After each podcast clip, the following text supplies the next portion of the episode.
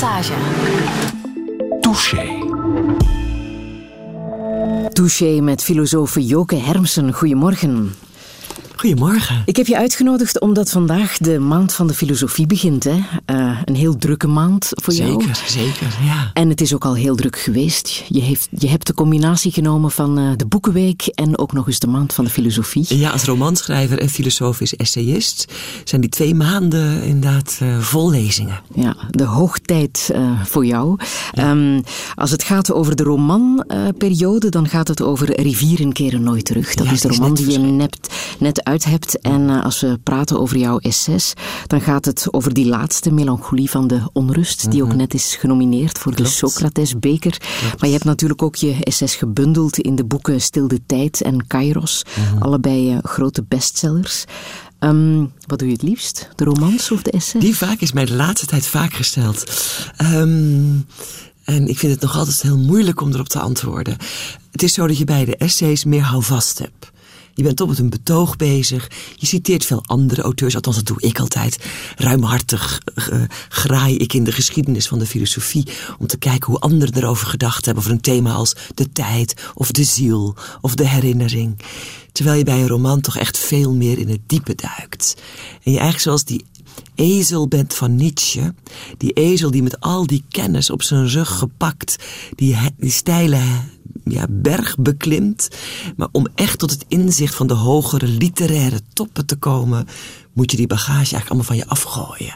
En in je eentje omhoog klauteren. Nou, dat, dat is toch meer wat die romanarbeid van je vraagt. Ja, en het lijkt alsof in Nederland die combinatie niet zo evident is. Filosofen zijn en ook romans Dat vinden wij zo moeilijk, Fidel. Ja? Het is schoenmaker, blijf bij je eigen leest.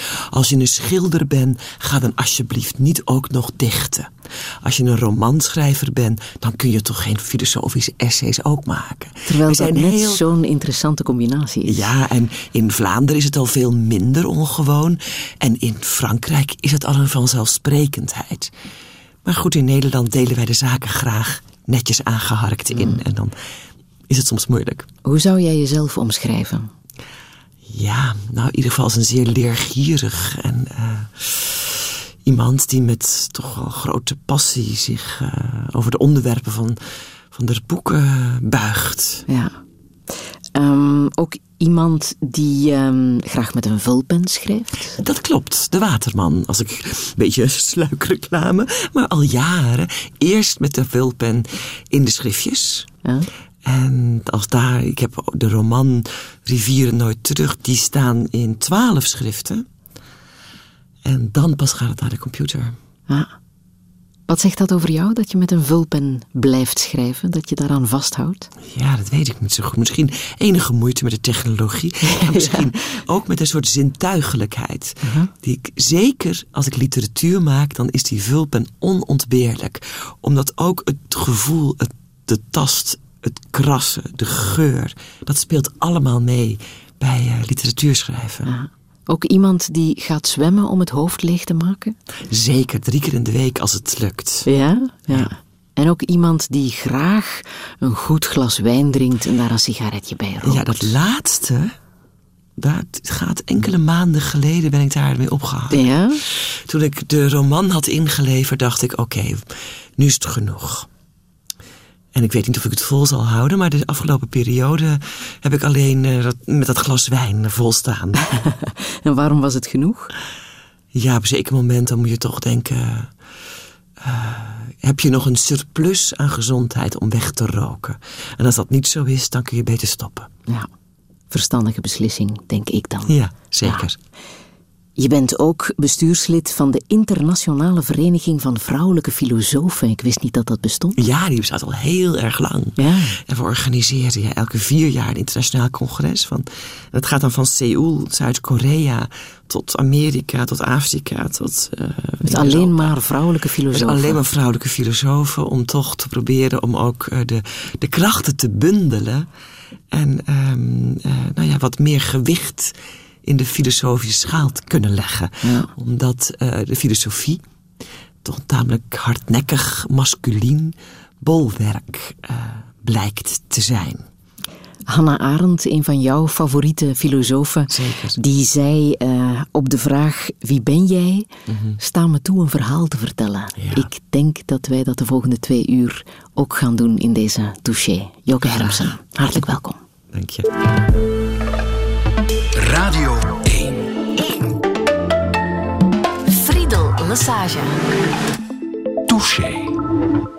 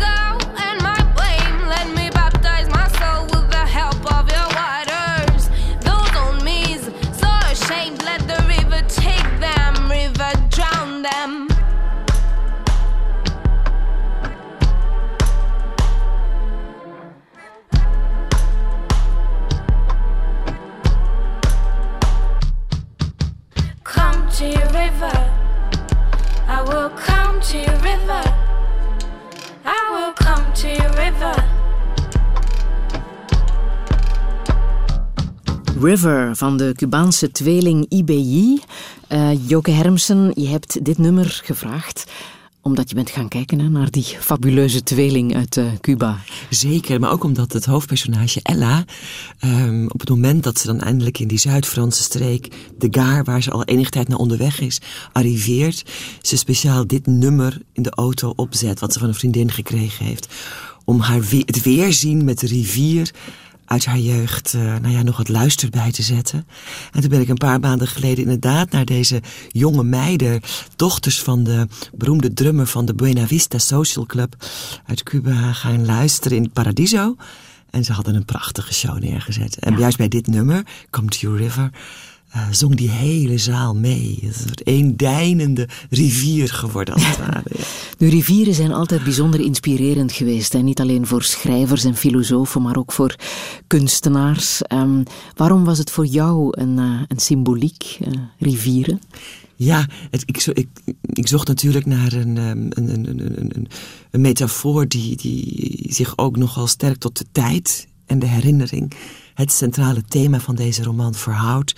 En toen ben ik, heb ik toch maar weer de, nou ja, zo'n die oud-Griekse uh, filosofische uh, uitspraken over de tijd dat die een rivier is. Hè, waar wij eigenlijk als mensen instaan. En het nabije verleden is net aan ons voorbij gestroomd. Dat zien we nog heel helder voor ons.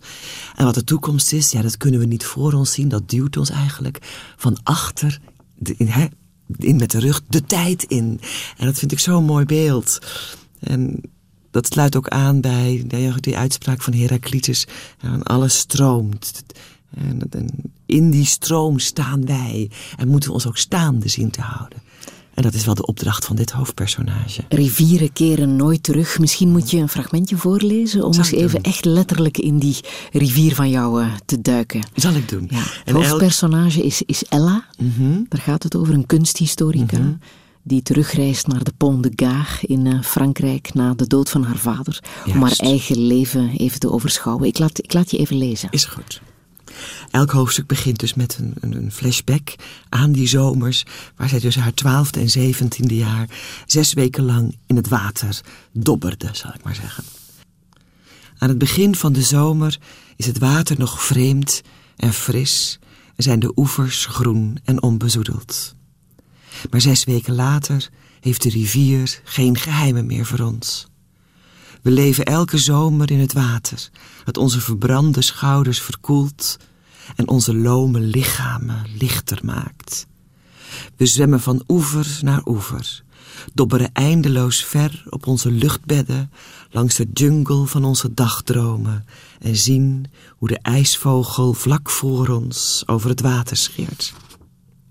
We zwemmen naast ringslangen, hun kleine kopjes nerveus spiedend over het water. We lezen de kalkwitte lijnen die de zakkende rivier op de rotsen achterlaat. Het is onze kalender. Als die lijnen een hand breed zijn, dan moeten we weer gaan. Altijd met spijt. Altijd met een brandend gevoel van gemis op die plakkende achterbank van de Fortuinus, stilletjes weggedoken achter onze nog klamme zwemhanddoeken die we tussen de ramen hebben geklemd om het afscheid van de midi, van de zon, van de zomer niet te hoeven meemaken. Het is een oefening voor later.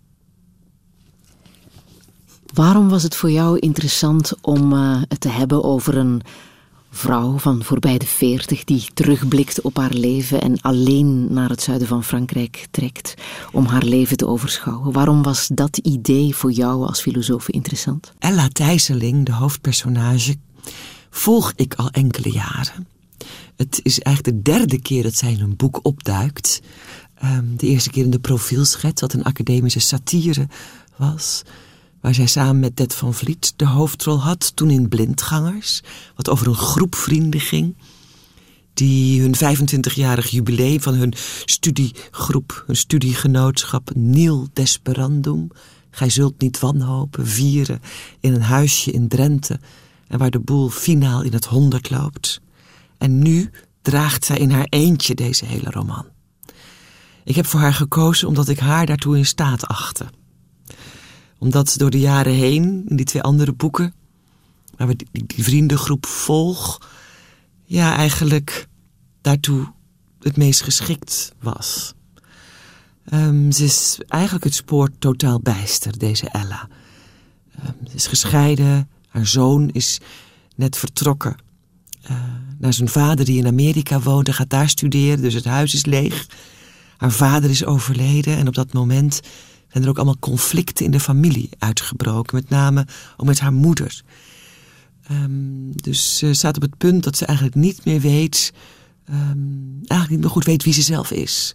En hoe ze zich tot de anderen verhoudt. En dus ja, denkt ze... Uh, ik ga op reis, ik vertrek. Ik vertrek van deze plek, Amsterdam... waar de zaak is vastgelopen. En ga op reis en hoop in die beweging van dat op reis zijn... tot, tot nieuwe inzichten te kunnen komen. En uh, zo gaat ze eerst naar Parijs. Daar blijft ze een poosje uh, nog hangen. En dan trekt ze door een nogal verregende Bourgogne... uiteindelijk naar de, naar de Midi, naar die, naar, die, naar die streek. En inderdaad, die positie van, van zwerfster, als het ware, van nomade... geeft wel een, nou ja, een, een impuls aan het geheugen. En die herinneringen poppen op. En ze besluit om niet alleen een reisverslag bij te houden, maar ook die aan de achterkant van het schrift die herinneringen op te gaan schrijven. En zo werken die twee verhalen eigenlijk in het boek, in de roman, naar elkaar toe. En, en dat lezen we.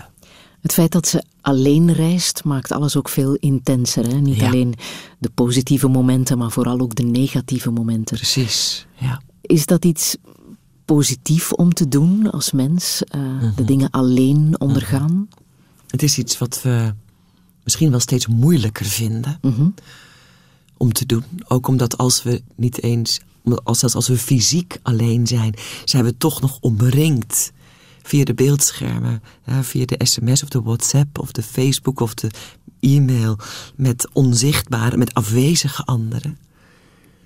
We vinden het ook steeds moeilijker worden volgens mij om die schermen uit te laten en werkelijk alleen met jezelf te kunnen zijn om eens tot wat diepere reflectie te komen. Ja, wat, wat belangrijker vragen te stellen. Of om gewoon eens wat te mijmeren of uit te rusten. Dus ja, dat vinden we moeilijk. Het is ook Want de wereld is er niet voor gemaakt, hè? voor alleen reizende mensen. Nee, en toch zou ik het iedereen van harte willen aanbevelen. Ja. Omdat, zo precies zoals je zegt, ehm, de, de ervaring van schoonheid, maar ook de ervaring van eenzaamheid veel, veel dieper binnenkomt. En, en, en juist in die combinatie, eh, eh, ja, dat, dat, dit inzicht of een, een, een herinnering naar, naar de oppervlakte doet borrelen. Tijdens de reis is ze ook jarig, hè, Ella? Ja. En dat viert ze alleen. Want haar leuze is, viert uw feestdagen. Is dat ook die van jou?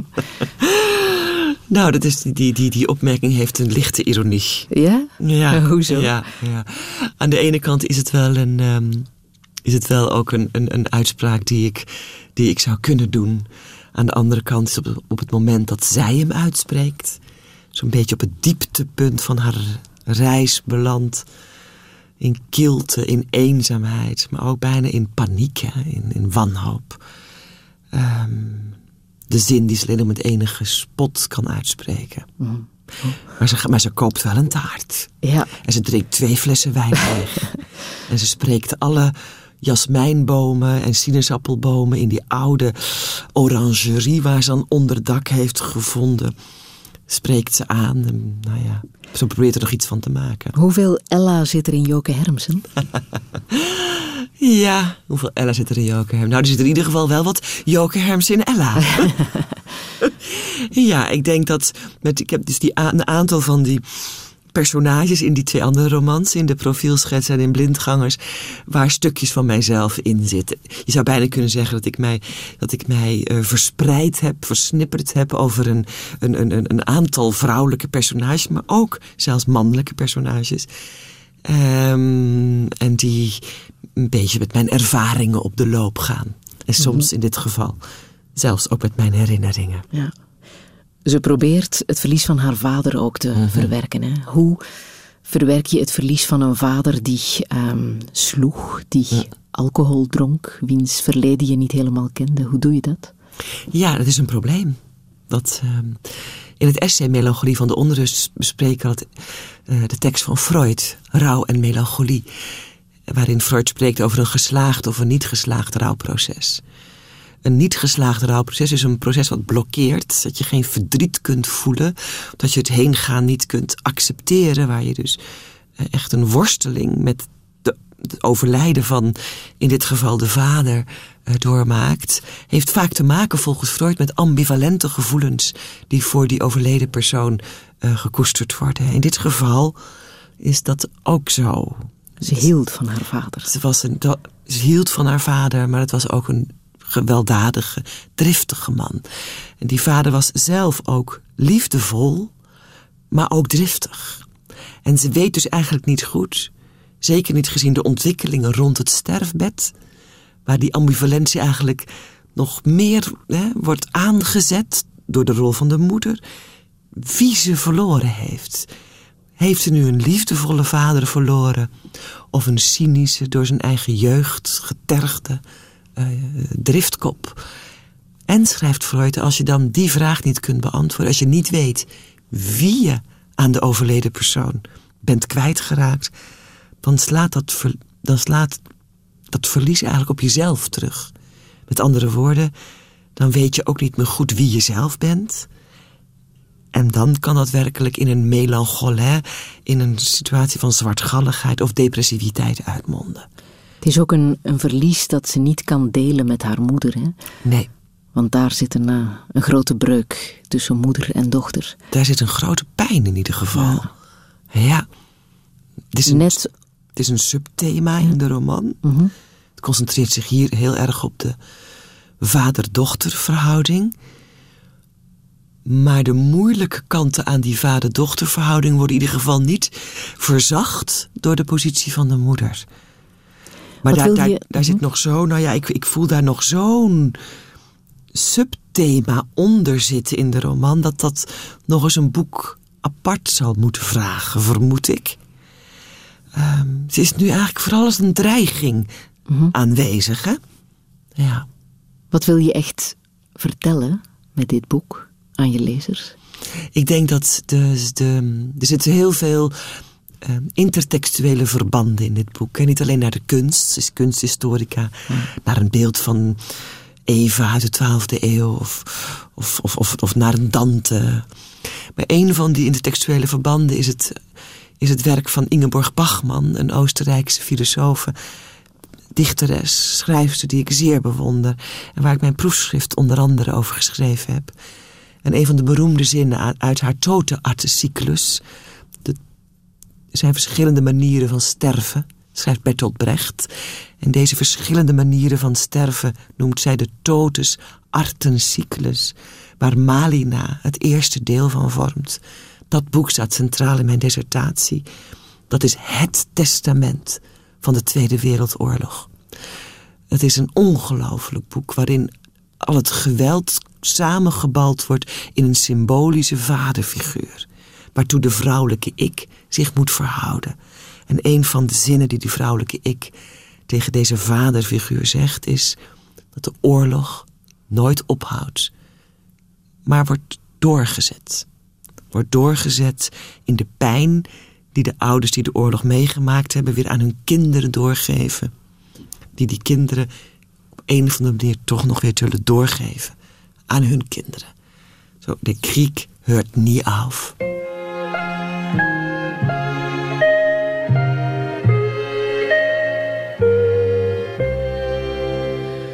Voilà combien de jours, voilà combien de nuits, voilà combien de temps que tu es reparti. Tu m'as dit cette fois, c'est le dernier voyage pour nos cœurs déchirés, c'est le dernier naufrage. Au printemps, tu verras, je serai de retour.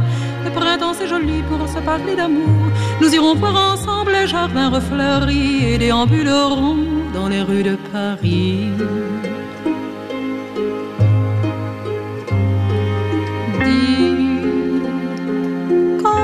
Reviendras-tu Dis,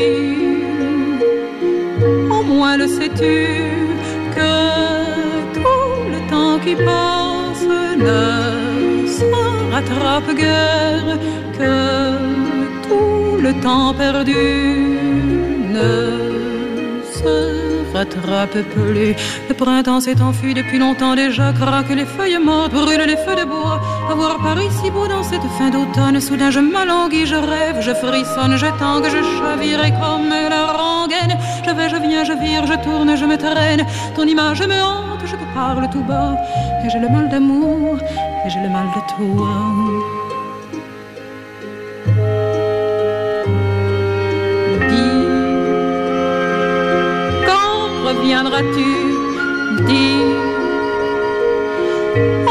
Sais-tu que tout le temps qui passe ne se rattrape guère, que tout le temps perdu ne se rattrape plus.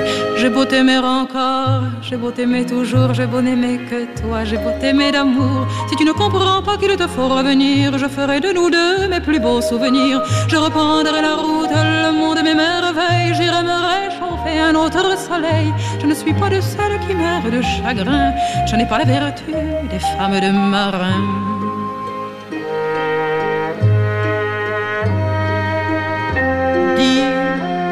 mais quand reviendras-tu? Dis, au moins le sais-tu.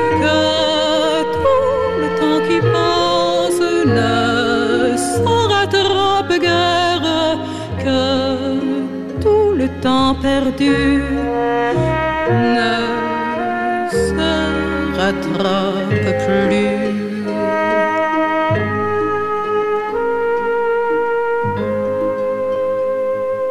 Barbara, die quand reviendras-tu?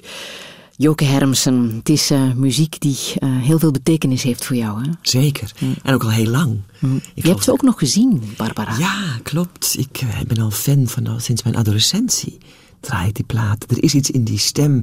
Die is, ik denk dat het een combinatie van kracht en kwetsbaarheid is. altijd als het iemand lukt om die twee tegenpolen in één kunstvorm of melodie of tekst te gieten ja, dan heb je iets met iets echt groots te maken. Ja. En ik heb daar gezien, toen was ze al wat ouders. Misschien zelfs al een van de laatste concerten in Toulouse. Maar nog altijd was het zo indrukwekkend. Nou, het schijnt is er ook een film over haar gemaakt vorig jaar, Barbara, eh, gespeeld door eh, Jean Balibar in de hoofdrol. Die moeten we allebei maar eens gaan opzoeken. Daar denk kan ik ik. nog op verheugen. maar ze heeft ook haar leven opgeschreven hè, in een uh, boek, uh, Il était un piano noir. Mm. Dat gelezen? Nog niet. Ja. Er is nog veel te ontdekken als het gaat Zeker. over uh, ja. Barbara. Ja. Maar wat zegt dat over jouw jeugd als je naar dit soort muziek uh, luistert? Dat heeft altijd alles met mijn francofilie te maken. Um, die, die, um, een van de dingen die ik deel met, met, met, met personage uit dit boek is dat ook ik al mijn zomers in de Zuid-Franse Gaar heb doorgebracht. En een schril contrast vormde met de Amstelveense buitenwijk, nieuwbouwwijk waar ik woonde. En alles even grauw en grijs en saai en monotoon was. Dus de zomervakanties, dat was alsof je een andere wereld inging. Waar alles wel kleur had, wel geur had waar ik de liefde ontdekte, waar de vrijheid lonkte en waar die prachtige taal werd gesproken, die voor mij als het ware symbool stond voor dat hele Zuid-Europa. Ook voor de krekels en voor de geur van tijm en lavendel. Dat is die taal met dat accent. Met die eng op het laatst. Hè, dat vieng. Uh, Est-ce que ça va bien? En door wie uh, uit de familie Hermsen gingen jullie naar uh, het zuiden van Frankrijk? Hoe bedoel je door wie? Um, wie was de aanstoker oh. binnen de familie Hermsen nou, om naar het zuiden van Frankrijk te Ja, dat, dat, dat, dat, de grap was dat uh, mijn vader eigenlijk de, de, de, de keuze van de route en de bestemming van de zomervakanties aan mij liet. Ja. Dus ik mocht dat bepalen en ik mocht dat uh, uitstippelen via een campinggids, want ik dat aan de bosatlas en uh, De la, het, jaar, het laatste jaar dat wij uh, dan in de Dordogne had ik dan daar de camping uitgezocht. En toen hebben we alleen maar regen gehad. Dus mijn vader had alleen gezegd, nou uh, zoek dan nu iets helemaal in het zuiden. Ja, en toen kwam ik al bladerend bij die foto van het waanzinnige Romeinse aquaduct. Wat daar als een soort sprookjesbrug in een totaal woeste omgeving, jaren zeventig, stond. En ik denk, oh, en daar is een camping vlakbij. Dus ik heb toen die geboekt. En vervolgens zijn wij daar jaar in, jaar uit naar teruggekeerd. Ja, wat voor iemand was je vader? Mijn vader is een um, onderwijsman. Um, ja, een, echt iemand van de beta-vakken. Uh -huh. Wiskunde, natuurkunde, economie. Maar met een grote voorliefde voor de literatuur. Het is ook iemand die zijn eigen milieu ontstegen is die in de bloemenbuurt van Hilversum opgroeide, wat een arbeiderswijk was. En als hij naar de HSB ging, HBS ging, dat was een hogere burgerschool, zeg maar het vergelijkbare als het ateneum of het gymnasium, dat hij daar dan eigenlijk mee gepest werd door de hele straat. Dat waren nog die grote klassen, nou ja, die hij wel met zijn hele leven over heeft meegedragen. Een zeer moeilijke jeugd heeft gehad. Um, een broer die in Indië moest vechten. Een vader die dan niet geloofde dat ze wel persoonlijk bericht zouden krijgen als zijn zoon ook zou sneuvelen en dacht dat hij in de krant moest opzoeken of zijn, of zijn zoon nog leefde. Uh, armoede, Nou ja, goed, daar heeft hij zich allemaal ontstegeld dat hij uiteindelijk rector van een scholengemeenschap is geworden. Met heel veel in de avonduren studeren, zoals dat dan vroeger nog ging. Hè? Van de ene akte naar de andere akte. Naar de... Ja, En je moeder? mijn moeder was toch eigenlijk vooral huisvrouw. Ja. Ja, Je bent opgegroeid met twee broers, hè? ja. ik was de middelste. Ella in het boek, die had graag een zus gehad. Ja, Jij ook? ik kan er maar iets bij voorstellen. Ja? Ja, het was een bijzondere, echt een heel erg mannengezin. Ik heb vaak mijzelf al afgevraagd hoe dat... Ik had natuurlijk wel vriendinnen met zussen. En ik zag ook wel dat het niet allemaal pais en vree was. En dat het soms zelfs ook eh, behoorlijke strijd was. Alleen de, ik had graag iets, iets meer feminine toets gehad. Ja, is, is intensiteit van bepaalde vriendschappen het resultaat van wat je als kind niet hebt gehad? Misschien, Ja. ja. Vriendschappen met vrouwen, dat kan Ja. de vertaling zijn van het gemis van zussen. Ja, nou dat is absoluut. eh, Ja, gisteravond zaten we nog bij Balthazar met twee vriendinnen die we, die ik al 38 jaar ken. Aha. En dat zijn eigenlijk bijna zussen geworden. Jij weet nog precies wanneer je kindertijd is opgehouden. Daarover schrijf je in eh, De Melancholie van eh, de Onrust, eh, het essay dat je vorig jaar hebt gepubliceerd.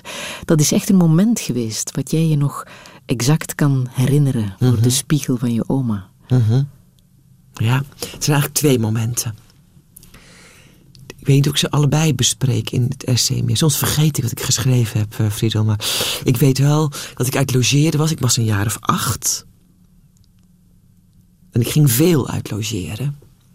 Waarom ik altijd uit logeren gestuurd werd, weet ik niet. Maar ik, vast, ik vond dat ook fijn. Een andere omgeving. Ik was heel nieuwsgierig als kind. Bij mijn oma was alles anders. Een heel oud huis met zo'n zolder met allemaal oude hutkoffers en spullen. Ik kon daar echt dagen. Grasduinen. Maar wat ik niet mocht was haar, naar haar slaapkamer betreden. En dat heb ik toch gedaan, op een zeker moment. Zij zat beneden in de keuken stoofpeertjes te schillen, ik weet het nog precies. En ik de deur op een kier, ik ging even om met haar prachtige borstel, met zo'n ivoren handvat, mijn haar te kammen voor die oude linnenkast met zo'n spiegel op de deur. En toen gebeurde die ervaring. Dat ik ineens doorhad dat ik als kind, als persoon, eigenlijk ophield bij de contouren van mijn gezicht en van mijn lichaam. Alsof ik zo'n doordrukpoppetje was. Wat ik op school had gedaan. Dan kreeg je zo'n poppetje op zo'n stifte matje. En met zo'n pen ging je dan al die puntjes uitdrukken. Totdat het poppetje eruit gelicht was. En dus eigenlijk helemaal losgezongen van de anderen en van de omgeving. Of zoals Rielke dat noemt, vanaf dat moment ben je niet meer vanzelfsprekend eh, omringd door de wereld, maar sta je tegenover de wereld als individu. En dat moment, ik weet dat ik, dus ik hou op, ik hou op bij die lijnen. Ik ben alleen. Dat is eigenlijk de, de ontdekking die je doet. Ja. Je was al heel jong filosoof volgens mij, al op je achtste. Nou ja, ik weet niet, ik heb er toen natuurlijk niet deze... het was, maar het was een hele intense ervaring die ik... Ik herinner me ook nog de gra- een beetje grauwe gordijnen achter mij... die zo heel zachtjes op de wind bewogen. En ik maar naar die lijnen keek. Maar wanneer wist je dat je filosofie wou gaan studeren? Nou, dat is toch wel wat later gekomen. Ik heb eerst letteren gestudeerd in Amsterdam. En toen op een zeker moment wilde ik naar Parijs. Vanwege de Franse literatuur, de Franse filosofie en de Franse muziek en de Franse heimwee. en toen ben ik, ehm, heb ik een beurs gekregen van... Ja, ik kreeg echt een brief van Mitterrand. Dat ik Aha. een beurs had gekregen, dat ik in Frankrijk mocht komen studeren. Filosofie, als ik zou beloven dat ik de Franse cultuur daarna in mijn, in mijn werkzame leven, eh, nou ja, een warm hart toe zou blijven dragen. Dat doe je nog altijd. Volgens mij heb ik mijn belofte aan François Mitterrand niet gebroken.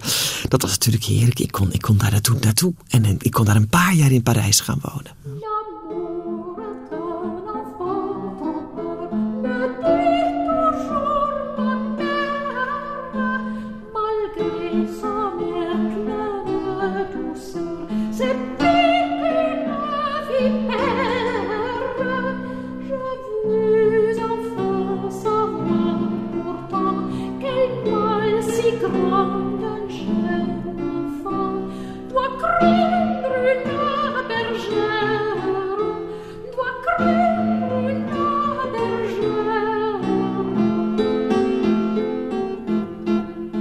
Muziek van Belle van Zuilen. Amour est un enfant trompeur. Joke Hermsen, omdat jij uh, een grote affiniteit hebt hè, met uh, Belle van Zuilen. Ja. Nederlandse schrijfster, componiste, die leefde in de 18e eeuw. Wat is het verband tussen jullie beiden, denk je? Nou, ik, er is veel. Er zijn veel verbanden tussen ons. En één daarvan is dat ik haar als uh, auteur van met name de briefwisseling. Ik heb geen talent voor ondergeschiktheid. Een zeer waardeer. Misschien vind ik dat wel de mooiste briefwisseling uh, van een mm -hmm. Nederlandse schrijver uit de 18e eeuw. En Moet een bijzondere vrouw zijn geweest. Het is bijzonder intelligente, uh, uh, gepassioneerde, um, zeer leergierige. Ze deed ook wiskunde, natuurkunde. Ze heeft Newton vertaald. Grieks en Latijn. Ze heeft zeven opera's gecomponeerd. Ze heeft geschilderd. Het was echt een, een, een echt zo'n typisch verlichte, allround intellectueel en kunstenaar. Ja. En het, het, het mooist van haar vind ik dat als je haar brieven leest, dan lijkt het net alsof die vorige week geschreven zijn. Zo ja, hielden ze zich destijds al in de voorhoede van de tijd op. Hè? Mm -hmm. Dat we het nu kunnen lezen alsof ze onze tijdgenoot is.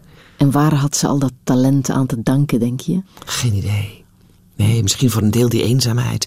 Dan zat ze tot de dertigste op dat kille slot aan de vecht. En de ene naar de andere huwelijkskandidaat komt jaar in, jaar uit aan op slot Zuilen. En druipt weer af met de staart tussen de benen. Omdat ze dat niet zien zitten. Een huwelijk met zo'n begeesterde, zo'n intelligente, scherpzinnige vrouw. Zelfs James Boswell, de Schotse moraalfilosoof, schrijft haar dan uit, uit Schotland de brief. Zo, Isabella, het was een groot genoegen om je te ontmoeten. En ik denk zeker dat we een huwelijk zouden kunnen overwegen. Maar wel op de voorwaarde dat je je ondergeschikt maakt uh, aan mijn gezag. Uh, waarop Belle van Zuilen terugschrijft... Ach, James, ik denk dat we er maar niet eens meer moeten over nadenken. ik heb immers niet zoveel talent voor ondergeschiktheid. Ja. Uiteindelijk trouwt ze dan maar de privéhuisleraar van haar beide broers... Mm, en begint daar toch aan een wat treurig uh, bestaan... met zijn, met zijn twee ongetrouwde zusters en zeer weinig... Nou ja, intellectuele uitdaging in de mm. in de omgeving. En dus gaat ze schrijven en steeds meer schrijven. Ook politieke pamfletten. Ze gaat zich bekommeren om de, om de, om de, om de vluchtelingen, de emigré van de Franse revolutie. Mm -hmm. Ze gaat ook uh, sociaal bewogen uh, teksten maken waarin ze pleit voor ook scholing van de kinderen van de lagere klasse. Waarin ze pleit voor een gelijke behandeling van jongens en meisjes. Waarin ze pleit voor een afschaffing van de doodstraf en van de slavernij. En zo neemt ze daar hele progressieve standpunten in. En um, nou ja, probeert ze haar steentje bij te dragen. Ze is altijd aanwezig geweest in wat jij uh, hebt geschreven. Hè? Al sinds jouw uh, ja. studiejaren ja. en ook in uh, ja. de boeken die je sindsdien hebt geschreven... -huh. komt ze altijd wel ergens om -huh. de hoek piepen. -huh. Maar dat is um, sowieso met vrouwelijke schrijfsters in jouw werk. Hè? Virginia Woolf, Hannah Arendt. ze passeren allemaal de revue. Hè? Ja, ik heb zo'n... Um clubje heldinnen, mag ik wel zeggen. ja. En die ben ik zeer trouw. Misschien ben ik ook wel een heel trouw persoon. Ik weet het niet precies. Maar ik ben deze, deze dus de vrouwen die je noemt. Hannah Arendt. Um, Virginia Woolf, Belle van Zuiden, maar ook Lou Andrea Salome. Ja, om iemand te noemen wiens oeuvre ik heel goed veel ken. Veel te weinig bekende namen. Wat niemand kent. De, ja. En notabene, dus de auteur die het beste boek ooit over Nietzsche, over Freud en over Rilke geschreven heeft. En hen alle drie ook zeer goed gekend heeft. Maar daarnaast nog tal van uh, andere boeken, essays, filosofie, psychoanalyse, romans over haar Russische jeugd. Dat, dat, is voor mij een, br een, een, bron van rijkdom aan inzichten geweest die mijn denken vanaf mijn proefschrift in grote mate heeft beïnvloed. Net zo sterk als Hannah Arendt dat heeft gedaan. Mm. Ja. Denken en schrijven vrouwen anders dan, dan mannen? Ja, ik vind ze in ieder geval meer betrokken.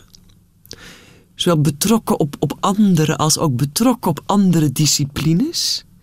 Kijk, Hannah Arendt doe je echt geen plezier als je haar een filosoof noemt. Ik ben een politieke denker. Dat zegt ze ook zelf en dat wil ik even laten Ah, horen. echt? Ich äh, fühle mich keineswegs als Philosophen. Ich bin auch nicht, ich glaube nicht, in den Kreis der Philosophen aufgenommen. Ich habe meiner Meinung nach der Philosophie doch endgültig valid gesagt. Ich habe Philosophie studiert, wie Sie wissen, aber das besagt ja noch nicht, dass ich dabei geblieben bin. Touché. De stem van Hannah Arendt. Nou, inderdaad, touché, vrienden. Ja. Hoe, kon je dit nu, hoe kon je dit nu timen? Dit We lezen elkaars gedachten, Dit is een ongelooflijk citaat. Ja. Dat is eigenlijk, probeert Gunther Gauss een compliment te maken. De interviewer heb je zeggen, nou, je bent toch de eerste vrouwelijke filosoof die is op.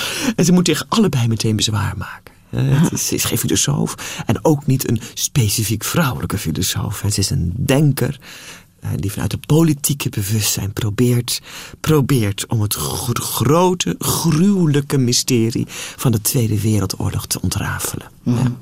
Ze had verschillende thema's die ze helemaal heeft uitgewerkt. Eentje daarvan was het nieuwe beginnen, wat Mhm. Ja. jou ook enorm Ja. fascineert. hè? Ja, dat vind ik zo.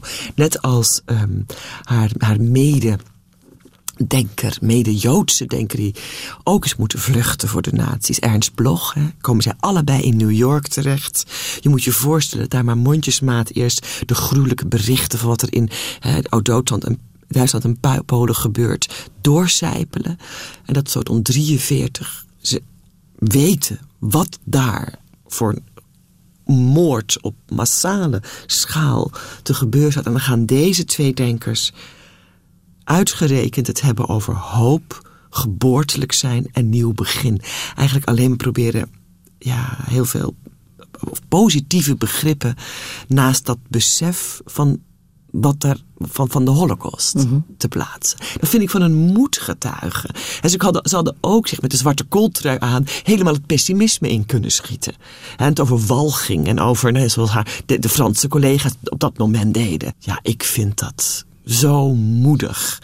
En ook zo eh, ongelooflijk, ja, inspirerend. Daar kreeg ze ook wel veel kritiek op natuurlijk. Hè. Ze volgde het Eichmann-proces Mhm. en probeerde te begrijpen wat er in Mhm. die man omging. Eh, daar had niet iedereen eh, begrip voor, dat zij dat probeerde te begrijpen. Zo, daar- ook daar is een hele mooie film over gemaakt. Hè, met Barbara Sukova in de hoofdrol. Een film door Margrethe von Trotta gemaakt. Waarin deze episode wordt uitgelegd. Deze zo vaak genoemde episode. Wat eigenlijk maar een paar jaar uit het leven van Arendt was. Omdat zij voor de New Yorker het verslag van Eichmann eh, ging doen. En tot zoals op wel vaker, nam- tamelijk controversiële eh, inzichten en standpunten kwam. Eén daarvan was dat eh, het, het kwaad niet, niet diep is als, of, of, of, of hoe zeg je dat? Eh, echt bij aan de ziel behoort, uit de diepte van de ziel opborrelt. Maar dat het kwaad eigenlijk veel meer een oppervlakkig fenomeen is dat zich over de aarde verspreidt als de omstandigheden maar ongunstig genoeg zijn en het bewind totalitair genoeg. Als die twee samengaan, dan kan dat kwaad zich verspreiden. Dus die Eichmann is geen incarnatie van de duivel, zoals de openbare aanklager bij het proces Hausner hè, hem met al die metaforen van Nero en Attila en Genghis Khan wilde je proberen daarvan de duivel in persoon te maken. Was het maar zo eenvoudig, schrijft Arendt dan. Het kwaad is niet herkenbaar met een masker van Attila de Hun. Het kwaad zit juist achter die brave burgerman. Die zich druk maakt om zijn eigen gezin. Die in een van zijn brieven nog schrijft dat zijn vrouw het tuinhekje moet repareren. Omdat anders zijn zoon misschien. er door, hè, die, een bezorgde huisvader, een bureaucraat. Die tot massamoord in staat is. Hoe heeft dat kunnen gebeuren? Niet omdat meneer Eichmann met een zwarte satanische ziel geboren is, maar omdat de politieke omstandigheden zo zijn ontwikkeld dat zijn geweten op zeker moment niet meer werd aangesproken. Alleen als je kan vergeven, kan je opnieuw beginnen, zegt ze ook. Prachtig. Ja. Ja. Als je dat niet doet, blijf je ronddolen in het verleden. Ja, dan blijf je geknecht aan de misdaad. Ja. Zij is gestorven in eh, 75. Je was een beetje te jong om haar Ja. nog te kunnen hebben ontmoet. Ja. ontmoeten. Ja. Ehm, wie je wel had kunnen ontmoeten is eh, die andere vrouwelijke schrijfster, Simone de Beauvoir. Daar heb je zelfs aan de deur gestaan. Hoe weet jij dat? Ja, ik lees alles een en ander. Ja, zeg, ik heb. Maar je hebt eh, ze nooit ontmoet. Ik, heb een, ik, ik had een. Ik had een eh, ja, ik was. Niet veel mensen zullen dat nog zien, maar ik was tot, tot voor kort een bijzonder verlegen persoon. Dus ik had mijn scriptie, dat over het werk van de Beauvoir ging, in het Frans aan haar opgestuurd. En ze had mij twee brieven daarover geschreven. En in die laatste brief, aan de vooravond van mijn vertrek naar Parijs, waar ik ging studeren, nodigde ze me op de thee uit, Boulevard Montparnasse uitzicht op het graf van Sartre aan de achterkant. En ik had al mijn moed bijeen ge- gegraaid. En met die brieven in mijn tas stond ik voor die deur, voor het knopje, voor de bel. Ik denk tweeënhalf uur lang, Friedel. En ik heb niet aangebeld. Waarom niet? Ik durfde niet. Misschien is er ook iets als dat je je helden wil bewaren. In de grootsheid van hun werk. En dat misschien een ontmoeting toch altijd nog het risico in zich draagt dat het tegen kan vallen.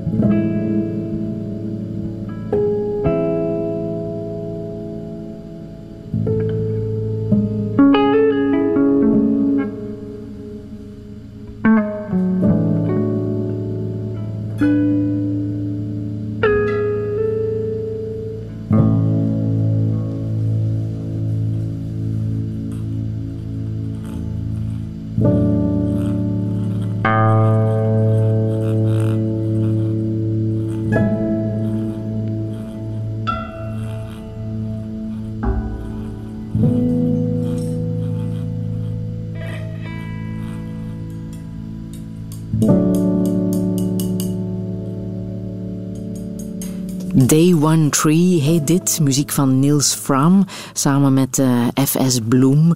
Eh, die Niels Fram is een eh, Duitse muzikant en componist uit Berlijn. Bekend van zijn minimalistische muziek en muziek die jij ook hebt laten horen, Joke Hermsen, in het kasteel van Gaasbeek vorig jaar. Hè, tijdens de tentoonstelling Kairos die jij hebt eh, gecureerd. Je hebt echt wel een hele grote liefde voor muziek, zelfs, misschien zelfs groter dan, dan voor literatuur. Ja, nou dat wil zeggen, ik heb ook een hele grote liefde voor de literatuur. Alleen, ehm, wat ik me wel eens... Ik, eh, ik hou heel erg veel van muziek. Ja, van allerlei soorten muziek. Ik heb ook um, voor de Kairos Cast, die tentoonstelling, niet alleen 38 kunstwerken van vermaarde uh, kunstenaars aan elkaar gezocht, maar ook 38 muziekstukken die daarbij zouden passen. ik heb een heel muzikaal traject door het museum. Uh, omdat ik geloof dat muziek zo aan onze ervaring kan bijdragen. En, en, en ook, ook, ook dat de ervaring van het zien van een kunstwerk met de juiste muziek op de achtergrond, dat het elkaar heel mooi kan versterken. Maar goed, die liefde gaat soms wel zo ver dat ik um, wel eens heb gezegd uh, dat ik mijn lezingen, die ik natuurlijk heel veel geef, dat ik die toch liever gezongen zou hebben. ja. Want het is wel eens... Ben je muzikaal? Nou, ik heb heel veel piano gespeeld. Uh -huh. uh, het is, eigenlijk is het een van de, van de hobby's die toen, ja, je moet, ik met, kleine, met de kleine kinderen aan het promoveren was en uh, aan het schrijven. En dan daar één activiteit komt dan in het gedrang. En dat was eigenlijk uh, ook mede dankzij een beetje zeurende bovenbuurman, de piano. Mm -hmm. En als je dan het gevoel had dat je speelde en dan iemand anders ja, last bezorgde, dat vond ik heel moeilijk. Dus toen is daar de klad ingekomen en ik heb het eigenlijk nooit meer, uh, helaas, opgepakt. Ik heb nog muziek uit uh, de film The Hours, naar het boek van uh, ja. Michael Cunningham, dat dan weer gebaseerd is of geïnspireerd door Mrs. Dalloway van Virginia Woolf, ja. vrouwelijke schrijfster. daar is ze weer. Ja. Um, omdat het gaat over die breekbare um, grens tussen melancholie en depressie? Zeker bij in het geval van Virginia Woolf. Hè. Mm -hmm. Bij haar zat het voortdurend op die grens en, en schoot het er ook dikwijls overheen. Um, ik vind het een heel mooi boek van Michael Cunningham. Maar ik vind het ook misschien wel de beste boekverfilming aller tijden. Met drie geweldige actrices. Met drie geweldige actrices. Met prachtige muziek van Philip Glass. Met een heel goed scenario. Um, met ook twee van mijn lievelingsactrices. Dus Juliana Moore, die daar Mrs. Brown, de lezeres in de jaren 50, ook al balancerend op die rand, die dunne rand tussen gezonde melancholie en ongezonde depressiviteit, uh, balanceert de hele film. Ja, ik vind het een meesterwerk.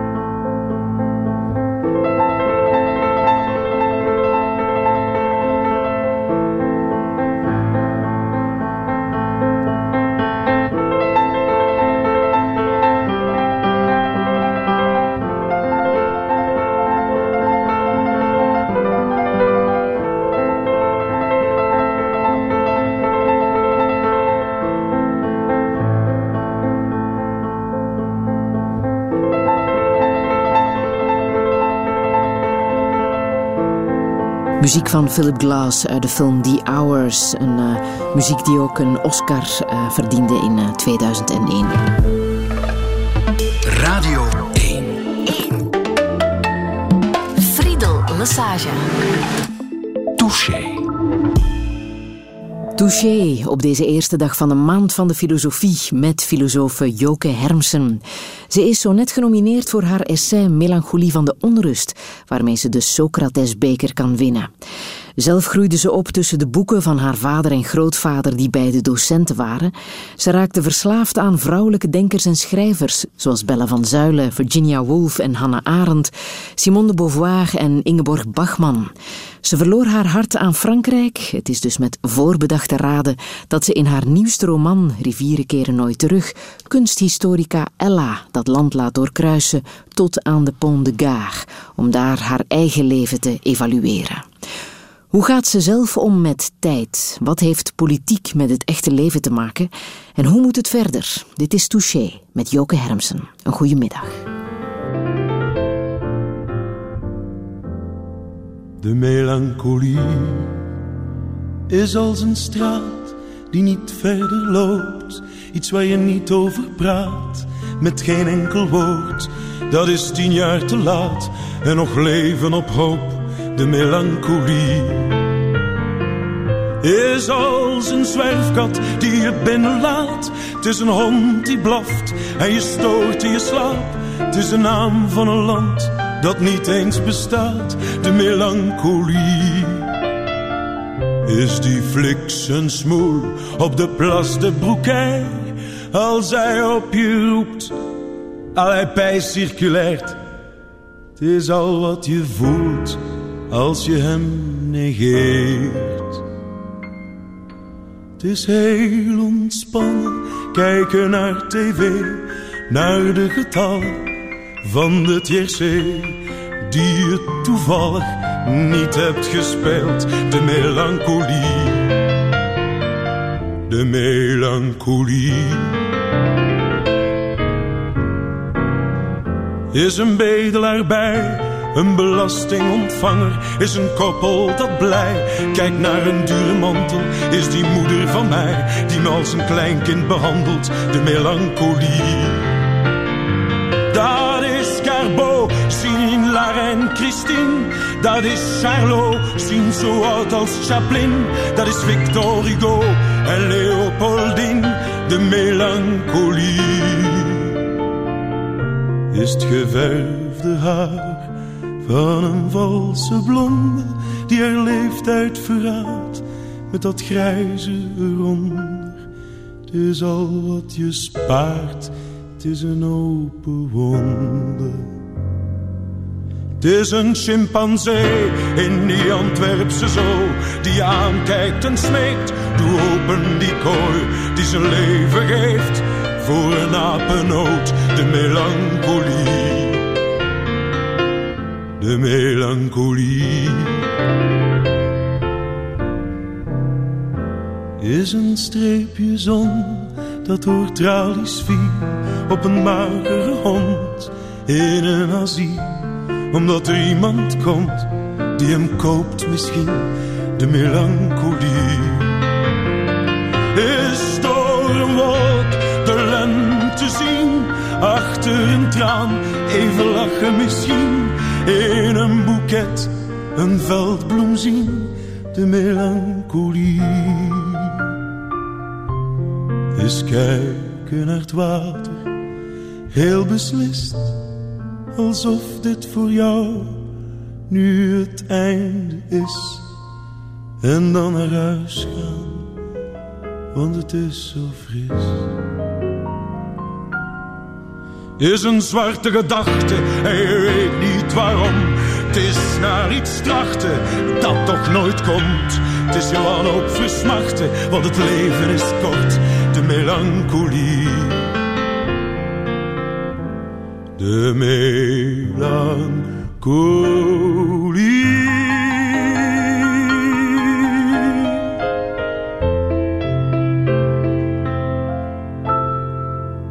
Johan Verminnen en zijn manier om de melancholie te proberen te vatten in uh, woorden en muziek. Joke Hermsen, uh, dat heb jij ook gedaan. Hè? Uh, je hebt het gedaan in Essai, Melancholie van de Onrust. Mm -hmm. Wat is dat volgens jou, melancholie? Heb je daar een goede definitie voor gevonden? Ja, er zijn natuurlijk diverse filosofen mij voorgegaan om daar een mooie definitie, definitie, voor te vinden. Het geluk om verdrietig te zijn is daar één van, van Victor Hugo. Uh, een ander is um, verdriet met een glimlach, Italo Calvino. Het is in ieder geval elke, elke definitie opnieuw duidt op de dubbelzinnigheid van het begrip zelf. Ja. Dus melancholie is niet alleen maar het grote rauwe verdriet en is ook niet de jubelende vreugde. Uh, de melancholie is iets van dat verdriet en ook iets van die vreugde of die glimlach tegelijkertijd. Ja. En dat is heel moeilijk voor ons om te beschrijven in onze taal, omdat die natuurlijk uitgaat van hè, een prettig uh, uh, ja, spreken en denken in tegenstellingen. En die melancholie overbrugt dat feitelijk. Ja, maar is het een positief gevoel? Het kan een positief gevoel zijn, maar het kan ook een negatief gevoel zijn. Uh, uh, sinds de oudheid, ook dat is interessant, sinds Aristoteles eigenlijk onderscheiden we een gezonde en een ongezonde vorm van melancholie. Grieks begrip melanchole, de zwarte gal. En we zouden vier verschillende gallen, levende sappen hebben en één daarvan was die zwarte. En die moest in goede verhouding tot die andere levende sappen zijn. En om gezond te kunnen houden moest genoeg vreugde, hoop, leven levenslust en andere uh, zaken zijn om die melancholie niet in die diepe zwartgallige variant te laten uitmonden. Nou, dat onderscheid tussen gezonde weemoed en ongezonde zwartgalligheid of depressiviteit, zoals we dat nu zouden noemen, dat is eigenlijk tot, tot, tot aan Freud nog gehanteerd, maar de afgelopen tijd weet je, uit het zicht verdwenen. We hebben het nu nog wel soms over melancholie of weemoed in het gewone taalgebruik. Maar binnen de diagnostiek is alleen nog de depressiviteit overgebleven. Ja. Van waar die verwarring met depressiviteit? Want dat ja. is het niet echt natuurlijk. Nee, hè? dat is het niet echt. Het is, um, ja, op een zeker moment uh, is in, de, is in de, de handboeken het woord melancholie gewoon verdwenen in de medische diagnostiek. En is daar de depressiviteit voor in de plaats gekomen. Waarmee het natuurlijk niet alleen een medisch etiket krijgt opgeplakt, maar het ook um, tot een, nou ja, louter uh, symptomatisch een ziektepatroon wordt gereduceerd. Terwijl naar mijn idee er ook veel um, creativiteit en verbondenheid in de melancholie zit. Ja. Dus ik heb geprobeerd eerst het hele begrip historisch en filosofisch te duiden. En vervolgens te laten zien uh, waar dat onderscheid tussen een gezonde weemoed en een ongezonde melancholie op berust, om die, om die weer scherper in het vizier te krijgen. Want het is goed om die melancholie toe te laten. Hè? Die melancholie is van alle tijden en van alle culturen. Dat is het interessante. Welke cultuur je ook bestudeert, je komt op die, het gevoel van melancholie uit. Dus, ik laat dat ook een paar van de revue passeren, van, uh, over de hele wereld. Dus is het ook bij uitstek het gevoel wat ons verbindt. Het is ook vaak de stemming die aan kunstuitingen, muziek, dans, uh, literatuur, sages, poëzie uh, wordt verbonden. Er is eigenlijk geen grote kunst zonder een vleugje melancholie. Dus daar hebben we al Dus dat is al heel veel om aandacht aan te geven. En om dat ook een plaats te gunnen in deze maatschappij die soms zo krampachtig, vrolijk en optimistisch. He, en het gaat heel goed en ik ben heel succesvol. En ja, maar de feestboekcultuur, zal ik maar zeggen. Daar is weinig plek en waardering en ruimte meer voor wat meer weemoedige overwegingen. Is te staan bij verlies en bij vergankelijkheid. Want daar komt ons weemoed vandaan, dat we dat weten. Wij als mensen zijn ons bewust van de dood, van anderen en van die van onszelf. En dus moet die ook een plek kunnen krijgen. Waar, waarna die weer verbonden kan worden, nou ja, aan de hoop of die glimlach van Calvino of die happiness van Hugo. Maar als we hem helemaal gaan ontkennen, dan ben ik bang dat hij toch onderhuids wel doorwoekert. En dat doodsbesef een pure angst voor de dood gaat worden, waardoor die depressieve gevoelens alleen maar zullen toenemen. Ja. Moet de politiek ook wat meer melancholie toelaten? Ach, dat zou ik wensen. Ja. Een, een po- niet alleen meer melancholie, maar ook meer durven twijfelen. Niet altijd die one-liners paraat, die meestal gebakken lucht zijn. Onze laatste politicus die durfde te twijfelen was Hans van Mierlo. Die echt tegen de interviewer durfde te zeggen... Ja, dat weet ik op dit moment even niet. Daar moet ik over nadenken. Ja, dat, dat hoor je niet meer. Hè? Het zijn lege one-liners met altijd iets van dat nep-optimisme erin. Die hebben we ook gehoord vorige week bij de gemeenteraadsverkiezingen in eh, Ja. Nederland. En toen was er ook de uitspraak van eh, premier Rutte. Een uitspraak die jou heel erg heeft geraakt eh, tijdens die verkiezingen. En dat is deze. Een van de belangrijkste dingen in ons leven is toch een fijne plek om te wonen. Maar vaak zien we dat er flinke wachtlijsten zijn. En daarom is mijn opvatting dat mensen die van buiten naar Nederland komen... keurig achteraan moeten sluiten in de rij. Maar er zijn nog steeds gemeenten die asielzoekers wel voorrang geven. En we gaan toch niet dat jonge stel dat wil samenwonen... of die gescheiden vrouw die graag een plek voor zichzelf wil hebben... achterstellen bij mensen die van buiten komen. Touché. Joke Hermsen, jij noemt deze uitspraak een absoluut dieptepunt. Nou ja, dat, ja van, onze, van, van onze premier. Want er zijn natuurlijk genoeg rechtspopulistische politici die hem al voorbijgestreefd zijn in hun eh zondebok-theorieën of hun beschuldigende vinger of hun latent racistische eh, uitspraken. Maar nu zelfs ook onze premier. Dat Eh, had je die niet de woning... verwacht. Nee, nee, nee, dat had ik echt niet verwacht. Dit, dit is eh, zelfs voor de VVD een stap te ver. Dat we de woningnood, de huidige woningnood, nu gaan, nu, die de asielzoeker die ook ergens moet, een dak boven zijn hoofd moet hebben, gaan we hem verwijten. En dat doen we dan met die suggestieve teksten van dat leuke, het leuke stel dat op zoek naar een huis is, wordt nou eh, door die asielzoekers eh, uit, uit hun huis verjaagd. En het is stemmingmakerij. Als je de cijfers leest, berust deze uitspraak nergens op. Het is het falend bewoningbeleid van, de, van zijn eigen reg- afgelopen regeringen die voor dit tekort heeft gezorgd. Maar je gaat toen aan wat Hannah Arendt al in haar dagen eh, eh, heeft geanalyseerd als zondeboktheorie. Dus wat er ook mis is en fout is, het zijn elke keer weer die asielzoekers. Hoe komt het dat we zo individualistisch zijn geworden? Wat is de mechaniek daarachter? Ja, goed, de, meestal hoor je dat het een van de symptomen van de toch het op hol geslagen kapitalistische of neoliberale samenleving is. Kijk, die kapitalistische samenleving die hebben we al enige tijd. Maar die werd tot enkele decennia geleden voortdurend gecorrigeerd door andere verhalen. Of het nu verhalen van de hippies of de provo's, of het socialisme, of de flower power, of de. Hè, dat waren belangrijke correctieven, zal ik maar zeggen, vanuit een sociaal, empathisch bewustzijn op dat kapitalistische model.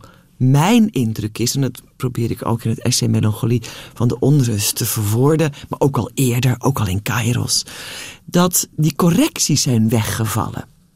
En met de ineenstorting van de grote, grote alternatieve verhalen, als het marxisme bijvoorbeeld, zijn ook die kleinere pogingen, als het ware, om de wereld te verbeteren, is het, hè, het wantrouwen daarin gestegen. Met als resultaat dat we ons feitelijk hebben neergelegd bij dat kapitalistische model en een beetje moedeloos denken. We kunnen die wereld niet meer veranderen. We kunnen die wereld niet meer verbeteren.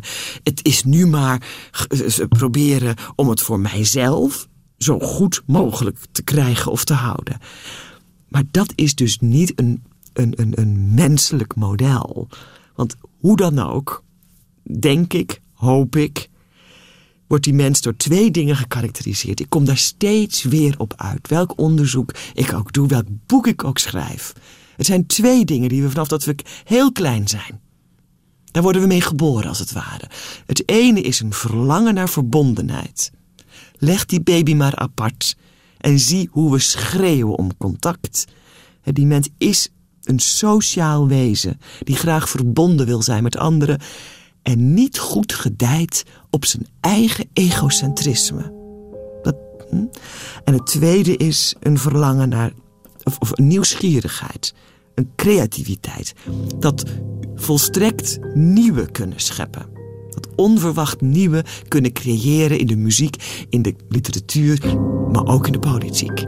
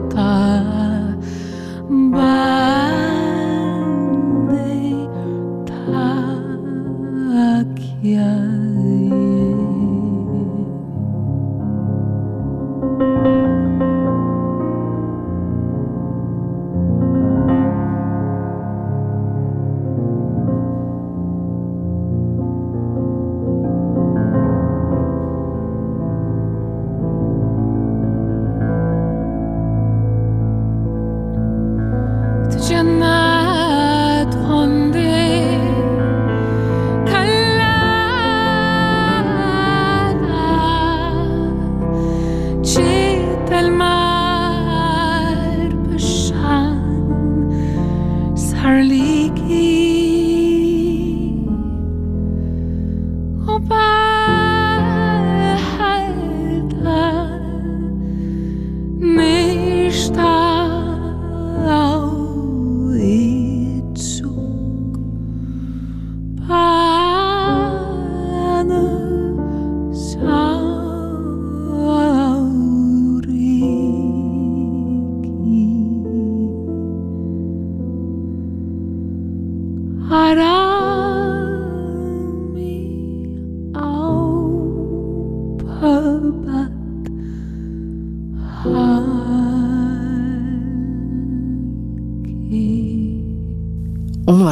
Muziek is dit, hè?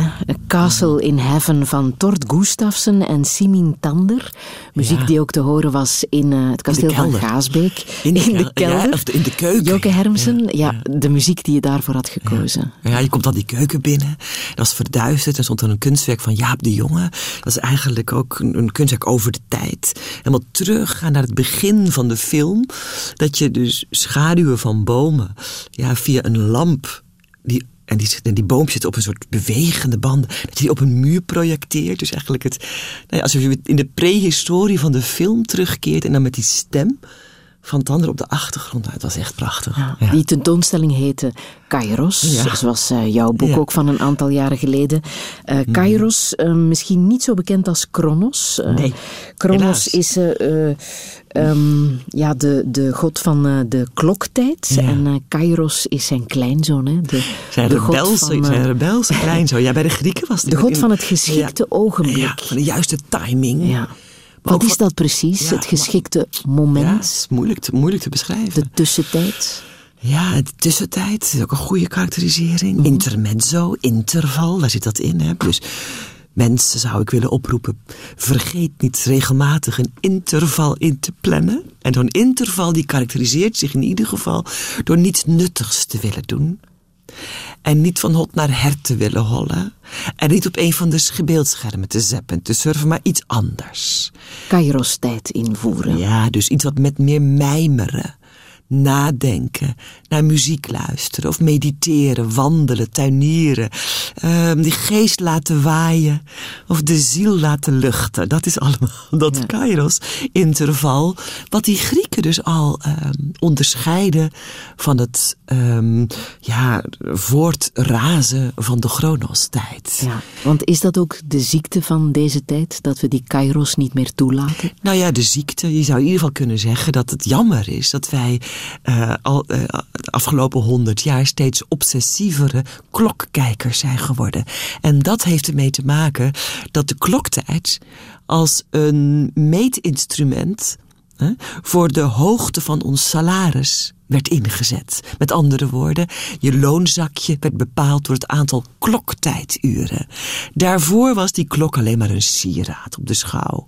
Maar vanaf het moment dat je werd betaald in aantal uren zag je ook dat we steeds meer moesten gaan doen in hetzelfde aantal uren. En dat, daar steeds, dat, die, dat, dat dus die kloktijd eigenlijk onze vijand werd. Met als gevolg heel veel burn-outs, depressies. Met als gevolg dat we op behoorlijk gespannen voet met vadertje tijd. Het is vadertje tijd, Chronos. Het is, eh, hij staat met een zeis en een zandloper in zijn hand. Hij vertelt aan ons dat er op zeker moment een eind aankomt. We krijgen een portie tijd. We hebben zo'n ongeveer 80 jaar als het goed gaat. En dan is er een eind aan. En hij tikt die tijd voor ons af met zijn zandloper. Haaks daarop staat die kleinzoon.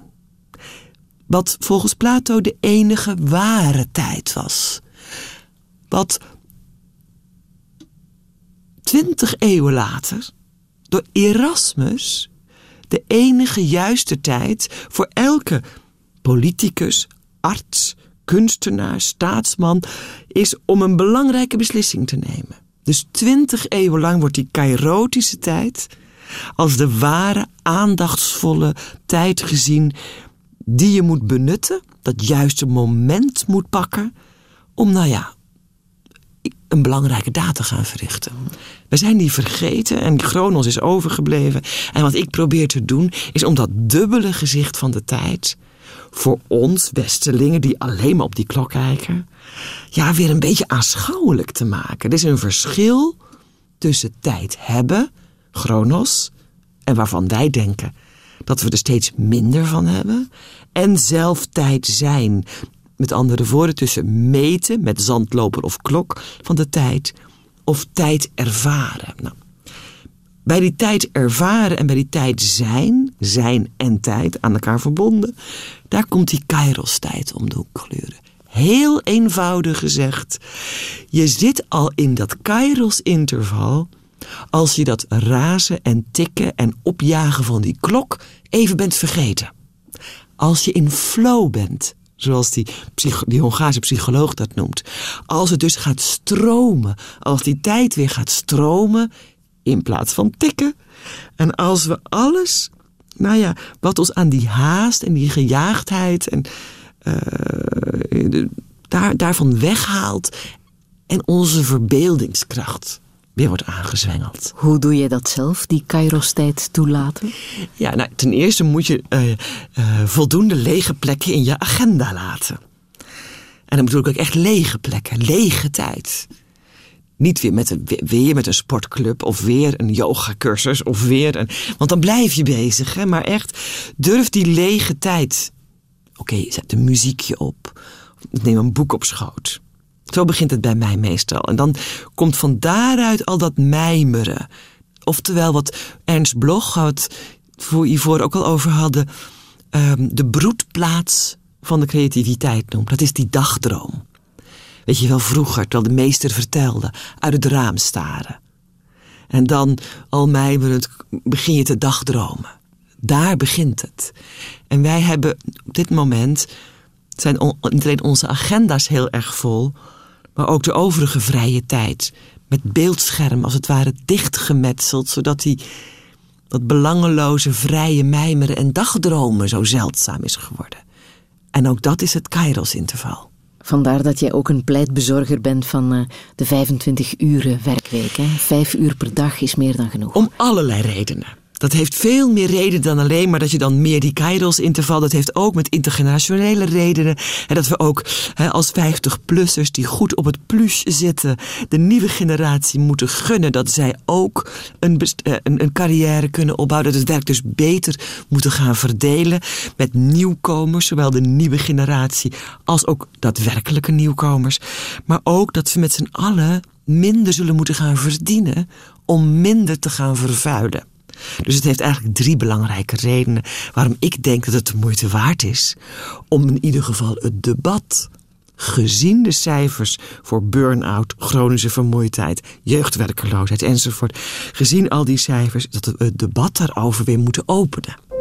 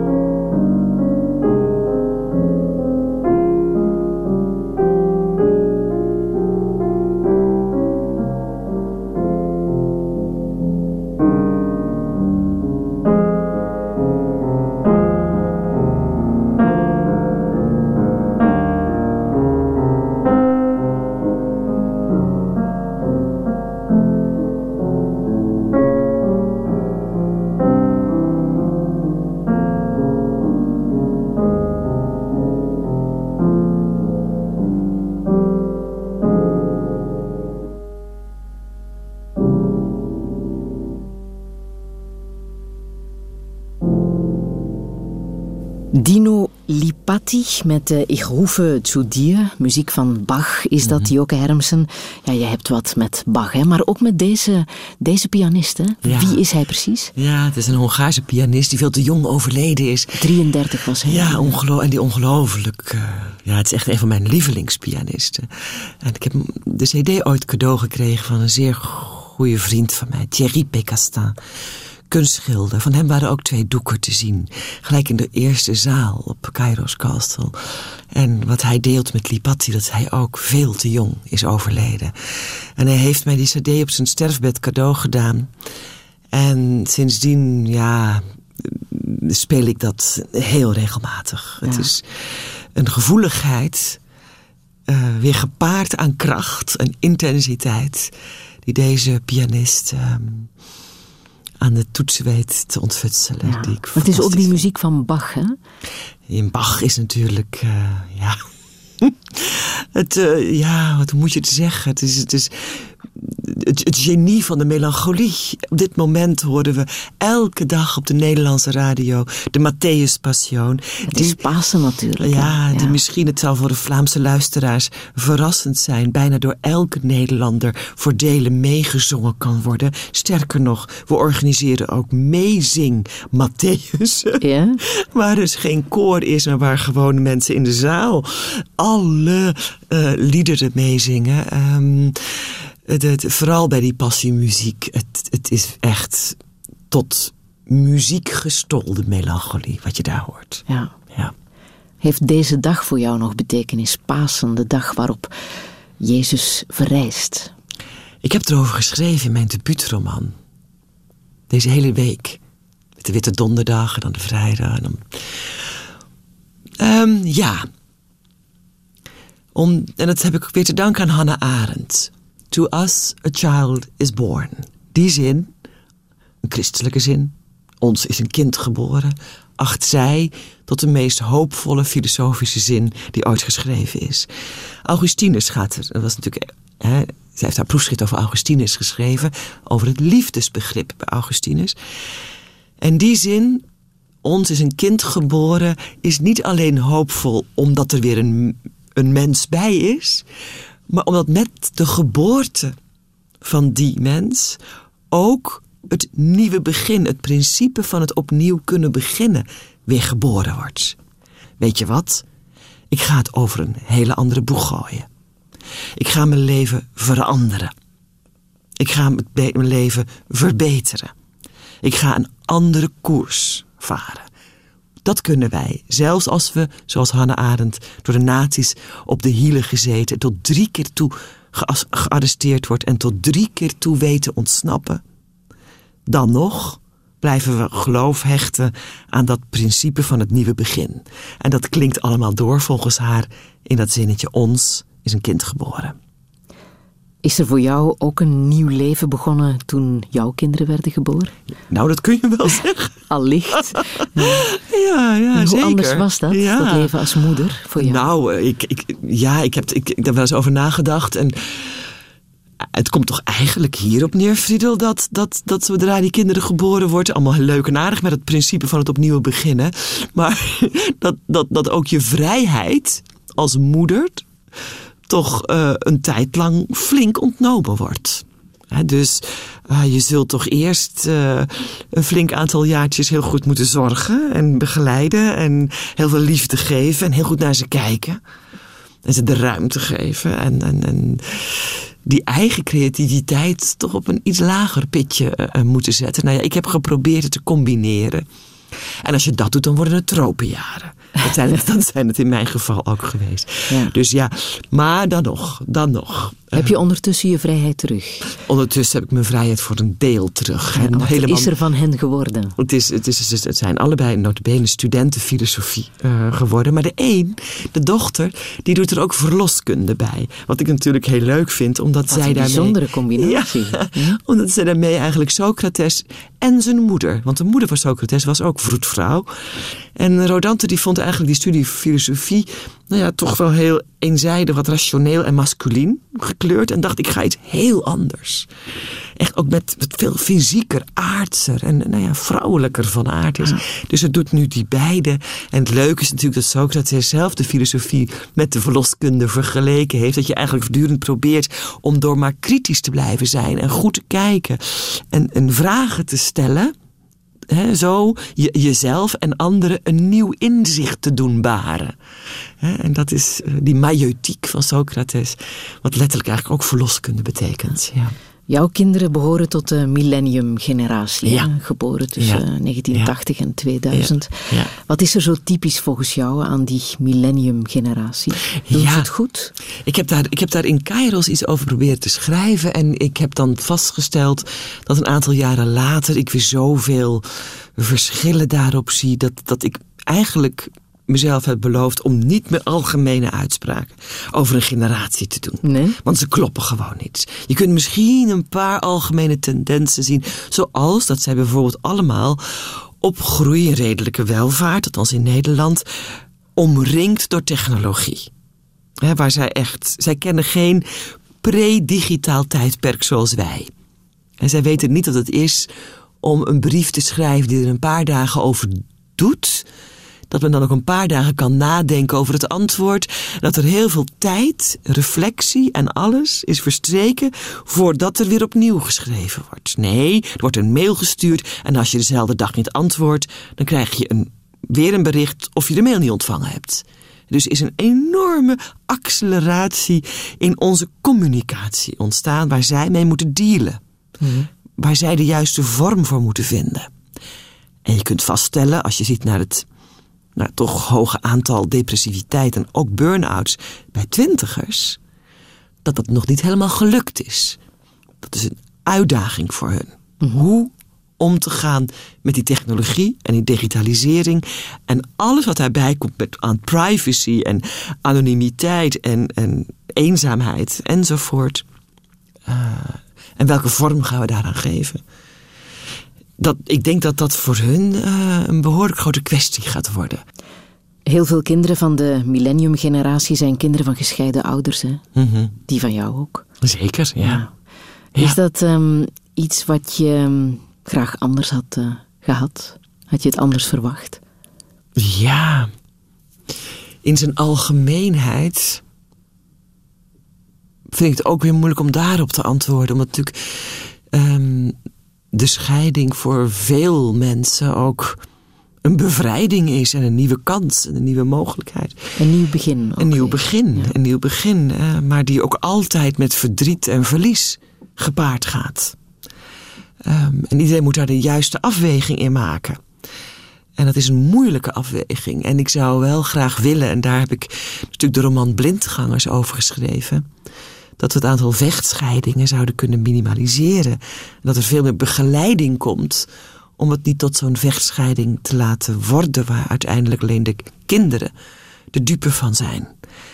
Um, nou goed, daar ging die roman Blindgangers over. Um, ik denk dat we ook naar nieuwe samenlevingsvormen op zoek zijn.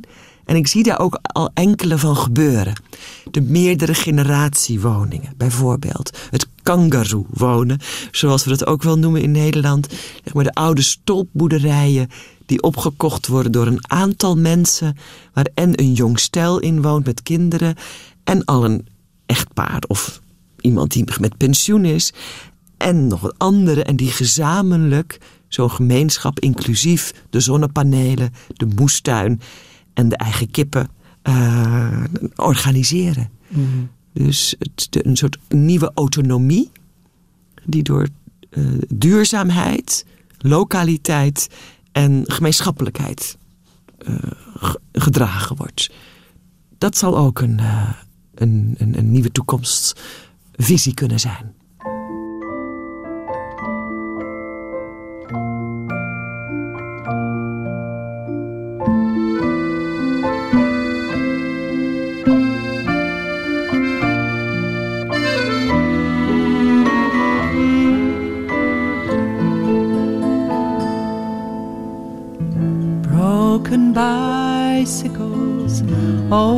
Busted chains, rusted handlebars out in the rain. Somebody must have an orphanage for all these things that nobody wants anymore.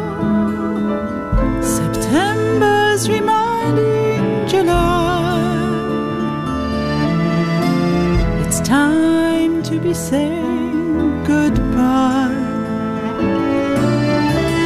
Summer is gone, our love will remain like all broken bicycles out in the rain. Motor cars, handlebars, bicycles for two, broken hearted jubilee.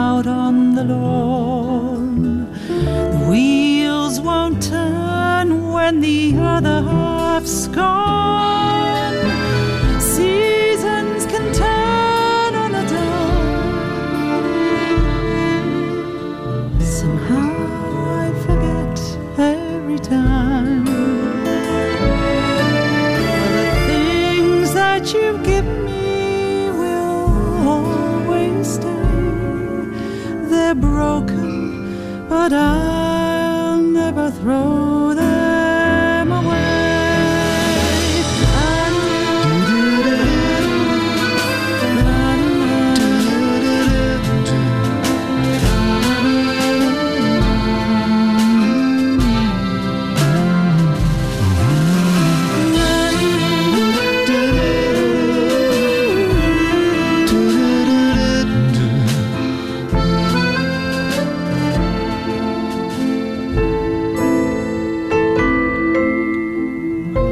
Broken Bicycles. We hoorden Anne-Sophie van Otter samen met Elvis Costello. Wat een combinatie. Prachtig. Eh, Joke Hermsen. Ja, jij vindt het prachtig, hè? Ik vind het zo mooi. Had je daar graag gestaan in de plaats van Anne-Sophie van Otter? Ja, Wat zeker. een onbereikbaar podium is natuurlijk. Het volst- zoals ik al zei, ik had graag al mijn lezingen gezongen. En zo ben ik eigenlijk een ge- totaal gefrustreerde muzikus. En ehm, had ik ook graag in de schoenen van Anne-Sophie gestaan. En af en toe in de auto moet ik ook bekennen dat ik dan met Jaap de Jonge ga helemaal losgaan samen op dit, eh, op dit nummer. Dat kan. Als het in de auto is met gesloten ramen, waarom niet? Waarom niet? Ja. Ja, Deze zomer word je 57. ja klopt. Ja. Wordt dat gevierd ergens in Frankrijk? Mm, waarschijnlijk. Ja. Tot nu toe is, het, eh, is dat eh, vaak aan lange tafels in de tuin in Frankrijk gevierd. Ja. Want daar heb je een plek, hè? Daar hebben we een plek met een, we hebben een aantal kunstenaars hebben daar een oude herberg gekocht. Die we ook eh, nou ja, helemaal gerestaureerd hebben. En eh, waar ik eh, elke zomer ook ja, filosofische workshops geef. Want Welke mensen komen daarop af? Heel verschillend. Veel Vlamingen ook trouwens. Heel veel Vlamingen. Het is een plek in de Bourgogne. En het is een hele mooie plek natuurlijk. Zowel cultuur als natuur. Het is zowel tot rust komen als ook... Kijk, wat, wat dieper op de stof in kunnen gaan. Want zo'n lezing, dat het duurt een uurtje. Dan kun je nog wat vragen stellen. Maar het is maar een aanstippen. En als je dan zo vijf dagen achter elkaar een paar teksten kunt lezen en die kunt delen, daar kun, ja, dan komt het zoveel uh, dieper binnen en er wordt er zoveel meer gedeeld. Dus dat ik dat nu al, uh, nou, ik weet niet, ik al zeven, acht jaar doe. Met veel Ja. plezier. Ja. En, dit, en dit jaar zal het gaan over het landschap van de herinnering. Wat ik, eh, en ook mede naar aanleiding van de roman. Omdat ik zelf die, dat thema tijd en herinnering. eh, hoe ouder ik word, hoe mooier en, en, en belangwekkender ik, ik dat begin te vinden. En me ook wel eens zorgen maak dat we er te weinig tijd daarvoor nemen. En je stelt je ook altijd een beetje een Proustiaans situatie voor, toch? Dat we te weinig tijd nemen om dat cakeje weer eens in die lindenbloesemthee te dopen. En gewoon wat voor ons uitmijmeren. Waardoor we ineens dat hekje horen klingelen. En ineens in die herinnering zitten dat we naar bed worden gebracht en een kus, een kus van onze moeder krijgen. Kijk, Proest is dat de- het gelukzaligheid van zo'n onverwachte herinnering. Die alleen dankzij niets doen of mijmeren of dagdromen krijgt toebedeeld. Die gelukzaligheid die ontbreekt ons soms. We zouden er wat meer tijd en ruimte voor moeten nemen. Dat is wat jij van plan bent de Ja. volgende jaren. Wat Ja. nog meer? Wat zou je echt nog willen in het leven? Ehm, en ik heb nu, ik, nou, ik heb net de balans opgemaakt. Ik heb eh, twaalf boeken gemaakt in 25 jaar. Zes essays of zes romans. En behalve dat ik nog dus wat ga delen, zoals die workshops in Frankrijk. ehm, en dat lezingen ga geven, ga ik qua schrijven het ehm, even af laten weten. Ik ga echt een pauze nemen. Ik ga denk wel in de dagboeken, waar ik altijd in schrijf, en brieven schrijven. Maar ik, ga, ik heb mezelf beloofd om het komende jaar nog geen nieuw project eh, aan te vangen. Wordt dat moeilijk? Dat weet ik niet, maar ik, heb, ik weet wel dat het nodig is. Ja. Omdat ik natuurlijk de afgelopen jaren wel heel veel gepubliceerd heb. En ook heel veel lezingen en interviews. En, en, en ik heb echt die, die rust nu nodig. Om weer tot ja, nieuwe inspiratie te komen. Ook daar hadden de Grieken trouwens een woord voor. Hè?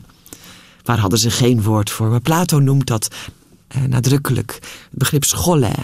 Niets doen, vrije tijd. Even niets inplannen, niets willen. En dankzij die schollek kan je in dat kairos-interval, in die tussentijd komen. En als je daar eenmaal zit, dan begint het altijd weer te stromen. Tenminste, dat is mijn ervaring. Dus daar hoop ik dan maar op. Welke boodschap wil je hier nog meegeven? Ik wil, Om te mensen, eindigen? ik wil de mensen een hele mooie zondag, een mooie paaszondag toewensen. En de hoop uitspreken dat het ons allemaal toch zal lukken om waar en hoe dan ook weer ergens een nieuw begin te maken. Zullen we nog eindigen met eh, die fantastische muziek van eh, Ibrahim Malouf? Ja, heel graag.